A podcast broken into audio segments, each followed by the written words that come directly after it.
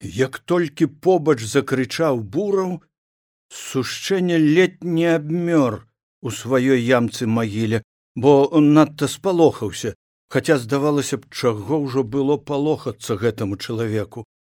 Але ён аж сцяўся угнуў галаву а затым як забахалі стрэлы і зусім абвяў у дне ямы. Вядома ён не сцяміў адразу што здарылася там наверсе і толькі калі побач матлянулася прыгнутая постаць бурава зразумеў што трэба ўцякаць. З незвычайным спрытам ён выкінуў сваё немалое цело з выкапанай па грудзі яміны і перакуліўся цераз жвіровы бруствер.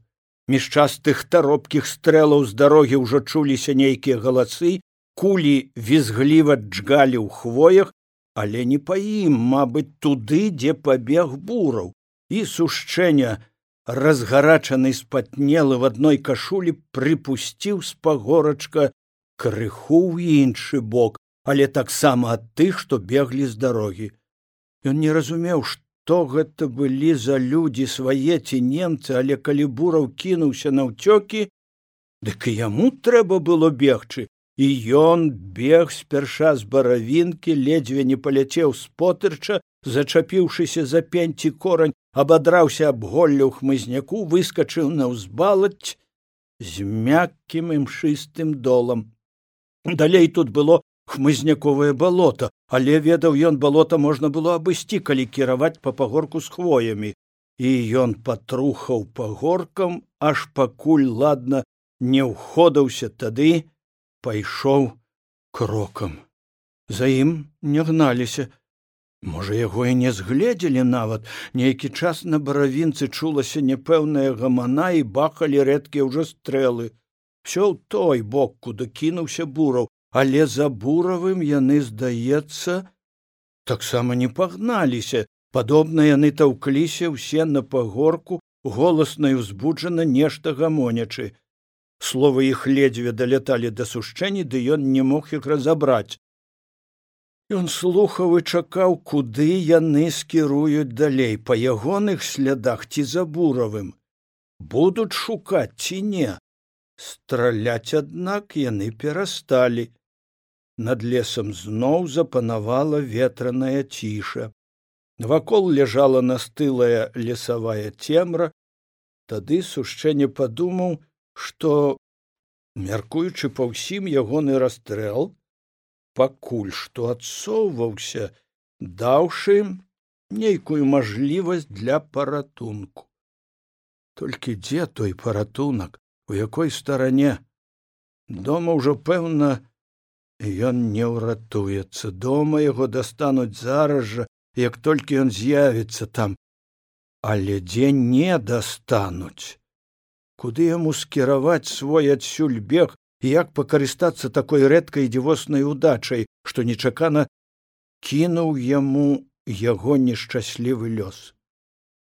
Ён пайшоў цішэй яшчадней каб не налезці на сук усё азіраючыся і прыслухоўваючыся. Рабілася дужа холодна руки яго ўжо скалелі дашчэнту сцюдзёнай карыной узялася на спіне кашуля ён доўга і слепа прыў па густым тут хвойніку. Сярод лесавога пошуму слухаўся стараючыся што небудзь учуць з пагорка але там падобна было. Все сціхла. Можа яны адтуль ужо і змыліся? Вядома чаго ім сядзець ноччу ў лесе? Недзе там засталася яго ватоўка. Ды мусіць ватоўку ўжо не возьмеш ватоўку яны падабралі. Канешне это паліцаі інакш бы бураў не пачаў у іх страляць. Ды яны ў бурава таксама. Толькі як яны налезлі на іх уначы? Ці можа пачулі з дарогі? Але ж там быў гэты другі партызан з канём. Куды ён падзеўся? Можа забілі мабыць забілі калі ён нічым не азваўся ні стрэлам ні крыкам і даў гэтак нечакана абкласці баравінку. Праз які кіламетр ці болей ад баравінкі сушчэння спыніўся на краі старой дзялянкі вырубкі з добра падрослым гушчаром маладняку. Ён усё думаў куды падацца. Слых яго сіліўся злавіць якія-небудзь гукі з баравінкі але адтуль нічога не далятала праз лес. Пастаяўшы трохі і спачыўшы ён палез далей у гушчар на дзялянцы але хутка спыніўся. А можа яны пайшлі з баравінкі ці пабеглі за буравым падумаў ён і павярнуў назад выбраўшыся з гушчару кустоўя зноў трохі спыніўся ў нерашучасці. Куды ж усё ж ісці? Куды ісці яму на гэтым свеце? Ён не мог ніяк сцяміць. Але ўвага яго параўнейшаму вярталася да баравінкі дзе заставалася недакапаная яго магіла і яшчэ хвіліну разваўжыўшы ён паціху пачаў красціся на тое праклятае месца. Мабыць яму важна было ўпэўніцца што там нікога няма. А можа і пашукаць там ватоўку. Так ён ціхай хадой прамінуў пагорак па якім бег сюды ізноў выйшаў да сырога ўзмошша забалацім на яе хмызняковым скрайку спыніўся. Было ціха. Толькі ён зноў ступіў цемрыве са два крокі адхінаючы ад твару галінку як пад нагой дужа хруснула мабыць хваёвы сучок і ён стаіўся. Не. Зноў скрозь было ціха Мабыць, яго тут ніхто не пачуў. Паспакайнеўшы і разважыўшы, ён махнуў душы рукой чорт з ёй з ватоўкай, а раптам яны там сядзяць у засадзе, чакаюць, напорася, што тады. І ён успомніў тады пра бурава, які пабег якраз недзе тут паблізу трошки бы стараной у той канец забалаці стрэлы з баравінкі тады джгалі менавіта ў тым кірунку рэхам водгаласам ляскаючы наскрозь па ўзлесі ці ён уцёк? Ці можа яго забілі? А можа злавілі? Цяпер у той яго безвыходнасці лёс бурава чымсь прыцягваў да сябе увагу сушчэнні і ён абмінаючы баравінку взяў бок памалу часта спыняючыся пабрыў цемры мабыць па ягоных слядах. Колькі разоў пад ягонымі ботамі зноў страхавіта хрускала сухая галінка тады ён заміраў стойваўся але крыку ці стрэлу неадкуль не чулася. І ён трохі пасмялеўшы ступаў зноў. Мабыць яму таксама трэба было кіраваць туды ў абход балотца а там падумаць што рабіць далей. Куды ісці?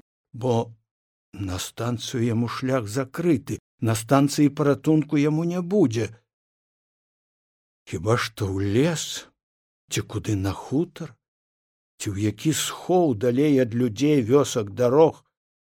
Дзе толькі ён знойдзе такі здатны схоў ды яшчэ ў такую халадэчу. Ужо добра адышоўшыся ад баравінкі ён зноў набрыў на балота здаецца тут быў травяністы яго мысок. Парослы алешнікам ды асіннікам трошки правей ведаў ён зноў цягнуўся мешаны лес рэдкія хвоі бярозы з падлескам і далей ішлі пералескі аж да сінянскага бору. Недзе тут поруч была і дарожка але дарогі сушчэння баяўся. З дарог цяпер ішла ўся бяда. І ён растапырыўшы руки слепа брыў адхінаючыся ад голля часам прытрымліваючы шапку на галаве. Густаваты малады асіннічак які ён памятаў з лета трэба было абмінуць стараной павальнейшым месцы. І толькі ён павярнуў на трохі цвярдзейшы дол як у звыклым стояным пошупе лесу пачуў нейкі старонні гук. Бы лясны голуб недзе правуркатаў і сціх. Але гэта быў не голуб. Сушчэння паслухаў шчакаў і павярнуў асіннік у лесу ягоны гушчары зноў прытаіўся. Галубіны вуркат прагучаў зноў і бліжэй. Устрывожаны пэўнай здагадкай сушчэнне наўпрост дужа зашорхаўшы голлем палез бокам хоць было цёмна і ў доле мала што можна было згледзець ён згледзеў такі шараватую на траве купінку. То быў чалавек сушчэнне моўчкі ўкленчыў ля яго каленам натрапіўшы якраз на рулю вінтоўкі. Рукамі намацаў боты расхлыстаныя полы шынеля адкінутую руку. Пэўна гэта быў бураў ягоны шынелак. Ды ён не азваўся на дотык сушчэнеўскіх рук і сушчэнне баяўся паклікаць яго. Ці мала што ён толькі абмацаў яго воглае цела і ўчуў што той быў жывы мабыць паранены мабыць добра паранены. Сушчэнне хутка ўлез пальцамі ў кроў але дзе была тая рана ён зразумець не мог. Тады ён трохі пераваліў цела на бок. Трава под ім таксама была ў крыві. У крыві быў бок і шынель лядзяі але сам бураў ніяк не азваўся на яго дотыкі толькі ўнутрана невыразна стагнаў. Што было з ім рабіць? Разважыўшы трохі сушчэння ціхенька патузаў яго за рукаў. Э э ты жывы? Куды цябе а? Бураў аднак маўчаў толькі здрыгануўся целам і вуркотна ціха стагнаў. Мусіць попала як мае яму быць падумаў сушчэнне так ён можа тут і сканаць але што ж яму можа зрабіць сушчэнне чым памагчы? Ці можа схаваць куды? Бо ў дзень як развіднее гэты бераг асеннічку ўжо будзе напэўна відаць з дарогі. Цяпер праз голы падлесак відаць далёка. Сушчэнне мужчына быў дужы. Некалі на станцыі разгружаў вагоны з соллю. І цяпер напяўшыся узваліў на сябе цяжкаватае такі цела бурава узяў яго вінтоўку і абапёршыся на яе бы на палку узгробся на ногі. Немалой сілы спатрэбілася яму каб з ношаю выбрацца праз гушчар на вальнейшае месца. Далей ён выпрастаўся зручней паддаў на спіне параненага. Под хвоямі ісці стала спрытней. Але ён зачапіўся за корані ледзьве не паляцеў з потырчаў дол неяк усё ж утрымаўся зноў паддаў буравай той горача і пакутна выдыхнуў яму вуха. Войцік ты! Сушчэнне хацеў азвацца сказаць што ён не войцік але гаварыць яму было не надта каб зручна ён палічыў за лепшае змоўчаць. Хай думае што гэта войцік а там будзе відаць галоўнае пакуль ноч трэба далей адсюль бо чаго добрага зноў налезеш на тых ці яны самі дагоняць. Уранні яны могуць усё тут аблажыць пачнуць прачоску як бы не загрэблі абодвух у свой паліцэйскі нерад.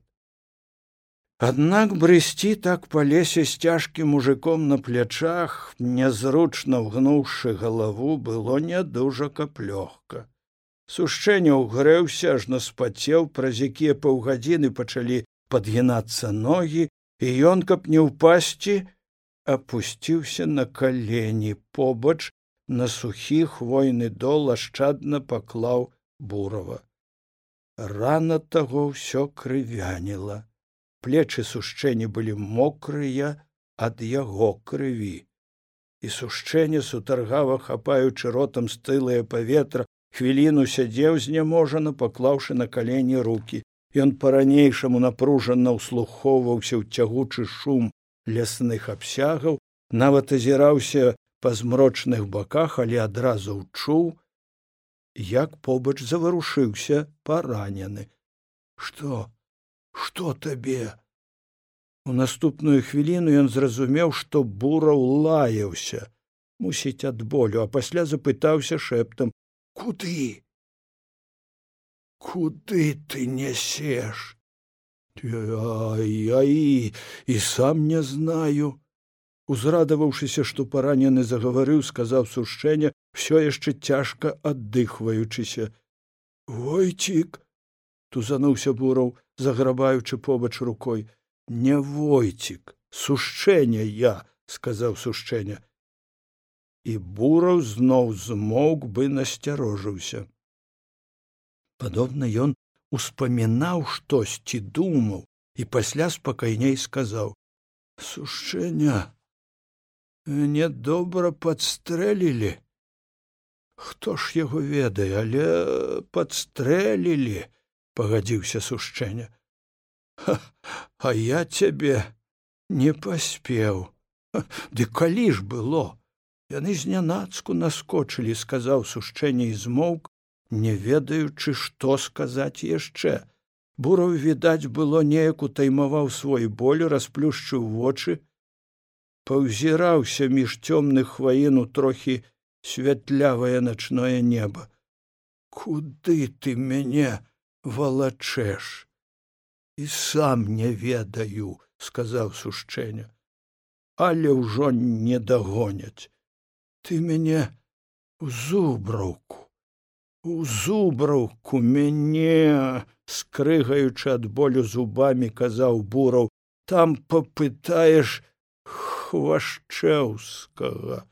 Хвашчэўскага? Добра. Сушчэнне помаўчаў каб лепей запомніць тое прозвішча і падумаў. Дзе тая зубраўка ведаў ёсць недзе пад сінянскім борам вёска з такою назвай толькі як да яе дапяцца колькі туды кіламетраў бураў тым часам змоўк і ён трошки пакратаў яго за нагу падумаўшы каб хоць не сканаў ненарокам мусіць трэба б яго перавязаць ды перавязаць не было чым зноў жа у гэтай цемры ні чарта немагчыма было згледзець але цягнуць так на сабе колькі кіламетраў па лесе таксама было небяспечна найперш для самога параненага як бы не сцёк крывёю. Разважыўшы трохі сушчэнне прыйшоў да думкі што трэба недзе расстарацца коня дзе толькі? На станцыю ісці ён баяўся каб зноў не налезці там на паліцыю тады хіба ў бабічах У гэтым баку ведаў кіламетры праз тры была невялікая лясная вёсачка, мабыць, там яшчэ хтосьці застаўся, і там бы ён разжыўся канём. Вырашыўшы так, ён зноў нахіліўся над нерухомым буравым, трохі патрос яго заборт шыняля. Слухай, ну, як ты? Можа, дабярэмся да бабіч, а там можа коня расстараемся. Бураў нібы прахапіўся напружыўся і апаўшы затым спытаў дзе войцік ты хто ж яго ведае сказаў сушчэння можа забілі бураў здаецца вылаяўся і зноў знямогла аціх у доля шчакаўшы трохі сушчэнне ўстаў на калені бураўскі карабін надзеў рамянём на шыю каб той не замінаў пры хадзе гэты раз узваліць на сябе бурова казалася трудней чым раней. І ён хістаючыся ледзьве падняўся на ногі. Хісткім крокам між дрэў і голля ён скіраваў той бок дзе памятаў за сенакосамі і цімкавым балотам былі тыя лесавыя бабічы. Ведучы на повадзе коня войцік тады спусціўся з баравінкі прадраўся праз алешкавы гушчар да гравейкі. Тут ля дарогі была яшчэ спазнелая трава у якую адразу ўлёг яго згаладнелы конь. Там жа на выспе пад хвоямі не было нічога войцік спярша падтрымаў яго на повадзе а пасля пусціў самапасам.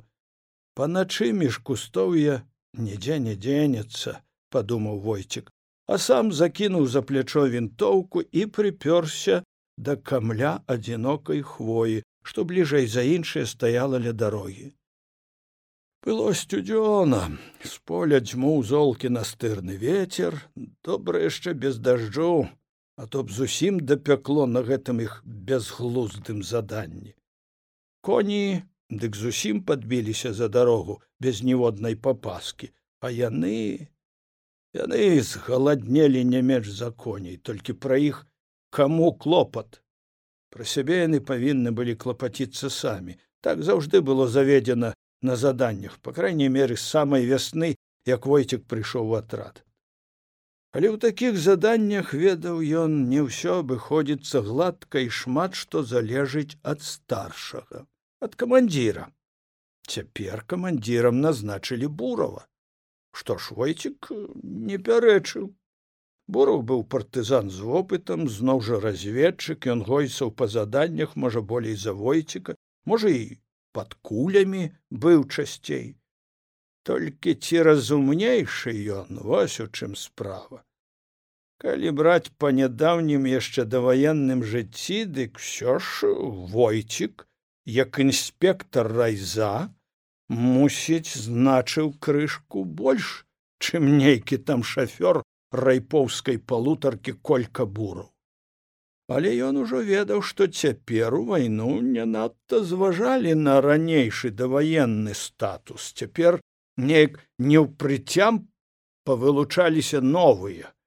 Хто іх да вайны калі і ведаў. Як во камандзір падрыўнікоў рыбчонак што перад вайной мабыць толькі паспеў скончыць школу ці пажарнік сліпчанка цяперашні надштаба іхняга атрада.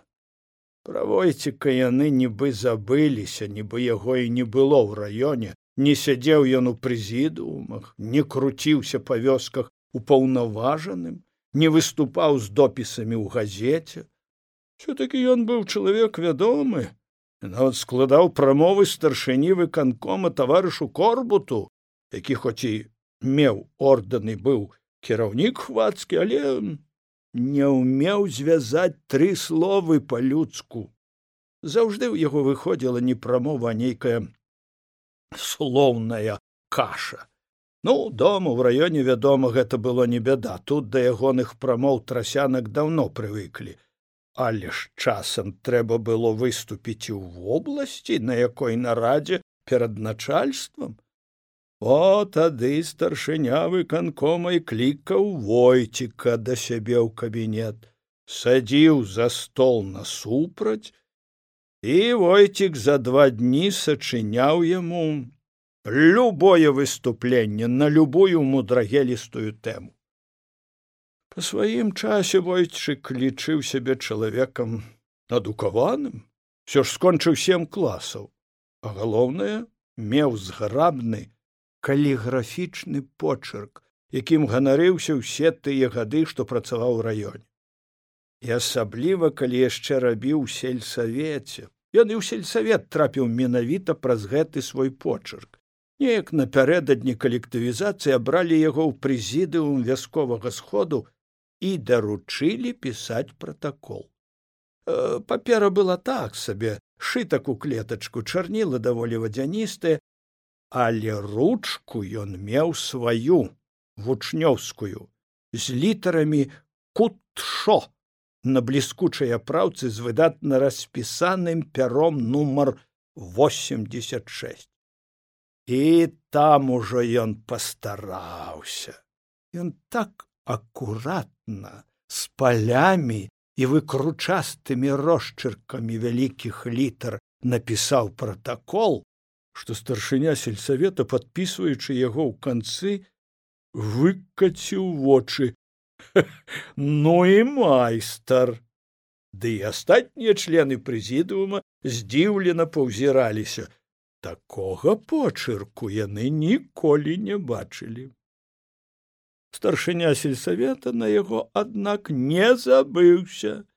І ў маі таго ж года ён ужо сядзеў у сельсавецкай хаце і пісаў А калі таварыша корбута пасадзілі кіраваць раёнам, войцік таксама перайшоў выканком. Кадр ён быў ужо спрактыкаваны і даволі правераны. Тут жа в атрадзе рабіць па ягонай спецыяльнасці, пэўна, не было чаго, ды ён зрэшты і не набіваўся на штось адметнае. Сказалі ўзяць вінтоўку і стаць у строй. Ён узяў вінтоўку і стаў строй. Праўда, і тут ён значна вылучаўся між іншых, асабліва малапісьменных калгаснікаў, якія ні дня не служылі ў войску і, канешне, тае вінтоўкі не трымалі ў руках. А ўжо калі разабраць і сабраць затвор, ён жа хоць таксама не служыў абавязковай, але добра вывучыў вінтоўку на занятках асавіахіма дзе нават страляў тры разы. Як здаваў нормы на значок варашылаўскі стралок значок і цяпер у яго на грудях бы ордэн. Хоць можа яшчэ заслужыць і ордэн чырвонай зоркі напрыклад як у камандзіра. Што ж ён дурнейшы за гэтага нахрапістага пяхотнага лейтенанта можа разумнейшы нават бо старэйшы за яго аж на восем гадоў і ўсіх і ўсё тут ведае. А што радавы дагэтуль? Да гэта таму што сціплы. Са словам не выскоквае на бога не бярэ все по-добраму паслухмяна і ціха. Ну вось хоць бы і з гэтым буравым. Войцік яшчэ з вечара як яны пад'ехалі да сушчэнеўскай хаты зразумеў што бураў нешта мудрыць. Нешта цямніць і хітруе.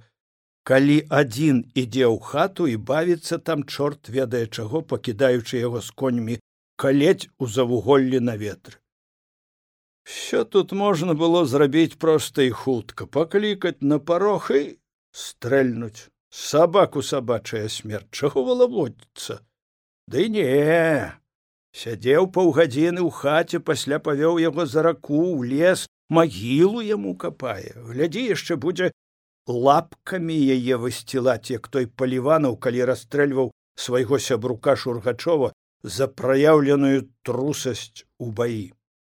Абодва яны былі лейтэнанты з акружэнцаў нядаўна прыйшлі ў атрад. І ў першым баі з кнігаўскім гарнізонам гэты шургачоў збаяўся уцёк з пад агню падставіўшы там пад агонь увесь іх звод. Узвод вядома выбіла напалавіну ну камандзіры і рашылі каб узводны сам выканаў прысуд які шургачову вынес атрад.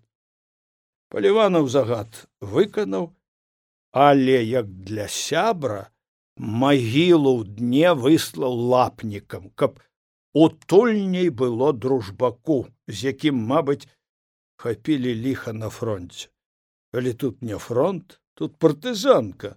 Зноў жа сушэнне нікому з іх не дружбак просто здраднік хоць і колішні знаёмы бурава. Ну нашто яму такая ўвага?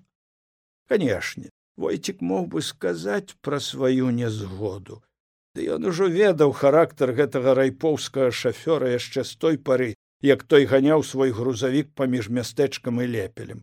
Вазіў тавары лён пяньку і заўжды каго небудзь побач нарыхтоўшчыкаў бухгалтару ці начальства.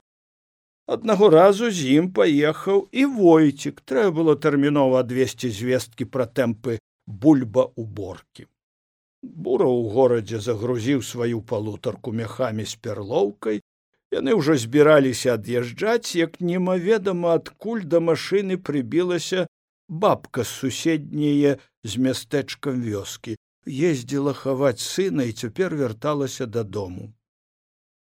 Войцік пагадзіўся падвесці што ж ён які злыдзень не разумее што і бабка чалавек хоць цёмная і старая але не ісці ж ёй пехатой па гразі сорок кіламетраў ён яшчэ дапамог бабцы ўзлезці ў машыну і тая неяк уладкавалася там у куточку кузавалі мяшкоў і была страшэнна давольная яго дабрынёй і гасціннасцю тым болей што пачынаў ісці дождж і нідзе не было ніякай фурманкі але тут выскачыў з канторы запыханы з квіткамі ў руках бураў і калі войцік паказаў яму на бабку ў кузаве закрычаў як рэзаны злазь! Бабка вядома злезла а ён тады расчыняе дзверы кабіны дзе ўжо сядзеў войцік і крычыць на яго вылазь! Здурнеў ён ці што падумаў войцік ды вылез і той усадзіў на ягонае месца бабку. Яны пасварыліся там бабка сядзела бы мыш але не вылезла. І войцік змушаны быў сорак вёрст трэсціся на дажджы і ветры ў дрохкім кузаве палутаркі.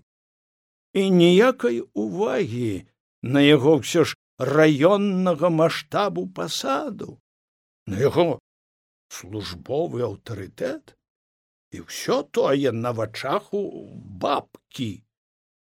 Ойцік тады прастудзіўся вядома пасля з паўгода абходзіў гэтага бурава стараной. Вызнаў ці не радня якая яму тая бабка. Аказалася не. Не радня нават не дужа знаёмая. Значыць звычайная наравістасць нахабнасць і хуліганства іначай як назавеш той выбрык райпоўскага шафёра цяпер во гэты сушчэння конь руб напоркаўся ў цемрыле канавы дарога ляжала пустая трошки пабліскваючы ў цемры гразкімі крывулькамі каляін за полем на станцыі ўзяліся брахаць сабакі там жа дзесь на падворку бліснула чырвонае святло мусіць сенцу. Там цяпер цёпла і сытна вараць на вячэру бульбачку падумаў войцік а тут во глытай слінкі ды калей на гэтым узлеску. Ён усё чакаў стрэлу на выспацы пасля якога яны адчулі б сябе вальней і паехалі бы паначы да зубраўкі дзе былі свае людзі дзе можна было пабагрэцца паесці пераначаваць. Мінула мабыць ужо з гадзіну а стрэлу ўсё не было. І войцік адышоўся ад хвоі зябка патупаў нагамі ногі зусім акалелі ў худых стаптаных гамашах. Ён наставіў каўнер воглай суконнай паддзёўкі глыбей на вушы насунуў кепку і толькі ён прыхінуўся да хвоі як пачуў на дарозе галасы. Якраз там дзе поркаўся ля канавы згаладнелы конь. Ля лужаны там стаялі ўжо дзве фурманкі і адкуль яны ўзяліся і з іх моўчкі сыпаліся людзі. Постацей мо шэсць якія неяк кратком у россып шаснулі ўсе за канаву ў падлесак адзін дык зусім блізка прайшоў ля хваіны войцік абмёрзшы і перастаўшы дыхаць праводзіў позіркам яго цьмяную постаць з вінтоўкай у руках і нават заўважыў як ён высака ставіў ногі мусіць каб не надта шархацець у быльнягу пры дарозе як на тую бяду з баравінкі данеслася некалькі слоў мусіць бураў нешта гукаў сушчэню.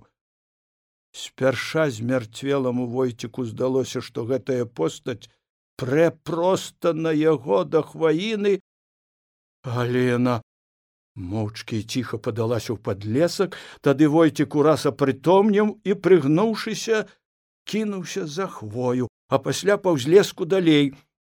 У гэты час ззаду ўжо раздалося галёканне крык і стрэлы рухкія хлёсткія ўдары іх паласнулі па голлі ці не над самай галавой войціка ламаючы нейкі сохлы прыдарожны быльнёг войцік бег як ашалелы засцярожліва гнучыся да самай зямлі пасля трохі разагнуўся непэўна сцяміўшы што страляюць не па ім кулі чуваць было дзігалі кудысь збоч да выспы там жа асядаў уначы крык ці можа лаянка гучна задыханы войцік няшмат што мог разабраць на бягу. Унізе якраз сляза была ці залешнікам ён знямогла прыпыніў свой бег слухаючы ці не пачуецца дзе бураў. Але бурава нідзе не было. Навокал было ціха спакваля спыніліся і стрэлы на баравінцы что там здарылася а? Што магло здарыцца калі абрынуліся паліцаі мусіць забілі бурава і аслабадзілі сушчэню трэба было яго валачы ў гэты лес.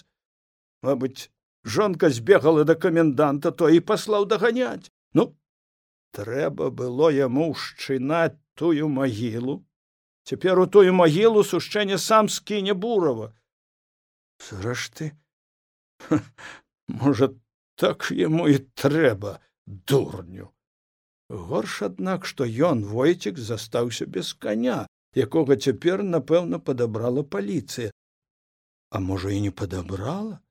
Можа ён там пасецца і спакваля яго можна будзе узяць гэтая думка змусіла яго наблізіцца да дарогі. Не той гравійкі дзе яго напаткала бяда а да лесавой па якой над вячоркам яны сюды ехалі. Дарожка ціха і сонна ляжала між дзвюх змрочных сцен з хмызняку і хвой у гары светлаватай шчылінай блізкала змрочнае неба. Каб лепш чуць войцік прыпыніў дыханне і сціх. Здалося быццам ад баравінкі данесліся галасы. Але калі ён лепей услухаўся голасы прапалі. Можа тыя паехалі? Забралі забітага бурава і паехалі на станцыю. А калі пакінулі там засаду это ў тым выпадку калі бураў уцёк. Зрэшты на чарта яму баравіна. Яму трэба быў конь. А ягоны конь заставаўся каля гравійкі там дзе стаялі і іхнія дзве падводы. Трохі пастаяўшы ў нерухомасці і пацікаваўшы навокал слыхам войцік яшчэ паразважаў і памалу пашкандыбаў травяністай лесавой дарожкай да недалёкай гравейкі. Паблізу ад яе ён прыпыніўся паслухаў і зноў пайшоў сігаючы шырокім аднак асцярожным крокам. Ля разложыстага ляшчынавага куста вылез на ўзлесак хвоя пад якой ён стаяў высілася крыху воддаль да хвоі ён не ішоў паўзіраўся адсюль. Фурманак на дарозе ўжо не было. Значыць яны паехалі. Ці можа ад'ехалі куды у іншае месца. Але не было нідзе і коня ён яшчэ паслухаў паўзіраўся. Шумеў голлем ветер пачаў накрапваць сцюдзёны дожджык станцыя ўдалечы ўжо сціхла была мабыць глыбокая ноч. Ну ведама падумаў войцік каня яны не маглі абысці каня яны прыхапілі з сабой. Ён яшчэ раз са злосцю памянуў гэтага недарэку бурава і яго неразумнае патуранне сушчэню падумаў што мусіць няма ўжо ніякай рацыі марна тырчэць тут у гэтым праклятым лесе. Трэба пакуль не развіднела падавацца ў зубраўку і далей у партызанскую пушчу. Заданнем нічога не выйшла заданне правалілі хай пасылаюць іншых. Ва всякім выпадку віны тут за войцікам ніякай няма. Ва ўсім вінаваты бураў. Гэтую лесавую дарожку ён трохі запомніў з учарашняга. Паселішчаў паблізу быццам нідзе не было і мабыць яму можна пакуль не баяцца. Хіба што далей тут недзе былі невялічкія бабічы. Але бабічы можна напэўна абысці стараной. І войцік жвава пашыбаваў тою дарогай прыемна саграваючыся на хаду і ўсё ж не сучыў душы а горклае адчуванне няўдачы. Паехалі двое на конях а вяртаецца адзін пёхам. Галоўнае немаведама што сталася з буравым. Як ён раскажа аб тым у атрадзе? Аднак у змрочным хваёвым лесе дарожка стала болей прыкметнай ён ужо слепа не збочваў з яе і не натыкаўся на сучча пад леску здаецца пачынала днець начны змрок туманнаю шэрасцю выціскаўся проч з лесу асядаў у голлі хваін. Як заўжды ранак нёс трохі бадзёрасці пасля начной бессані. Войцік паспакайнеў сагрэўся аднак не траціў пільнасці ступаў ціха і неяк знянацку чуў асцярожны старонні гук. То быў трэск галля под нагамі.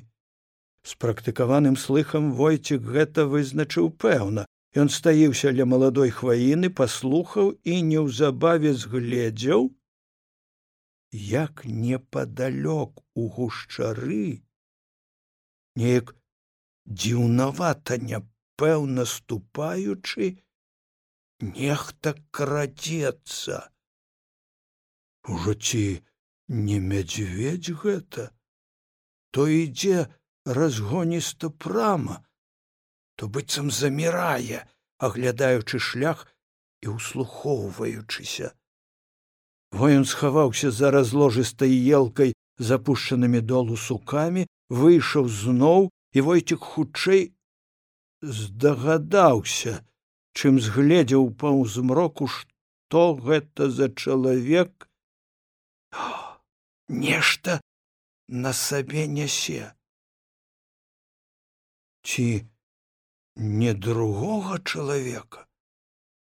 Няпэўная яшчэ здагадка стукнулася ў свядомасці войціка і ён нерашуча сышоўшы з дарогі насустрач ціха гукнуў. Бураў чалавек відаць было знерухомеў угледзеўся ў яго але не кінуў ношу а толькі выпрастаў з пад яе галаву і азваўся. Товарыш войцік войцік ага ты? Ужо нешта сцяміўшы войцік запаволеным крокам ішоў па мяккім імшарніку да начнога сустрэчнага і перад ім усё болей выплывала з паўзмроку крутаплечая постаць сушчэнні з вінтоўкай на шыі якую той аднак не спяшаўся хапаць у руки і тым трохі супакойваў войціка спаткаліся называется без жаднае злосці хутчэй паныла сказаў войцік што з буравым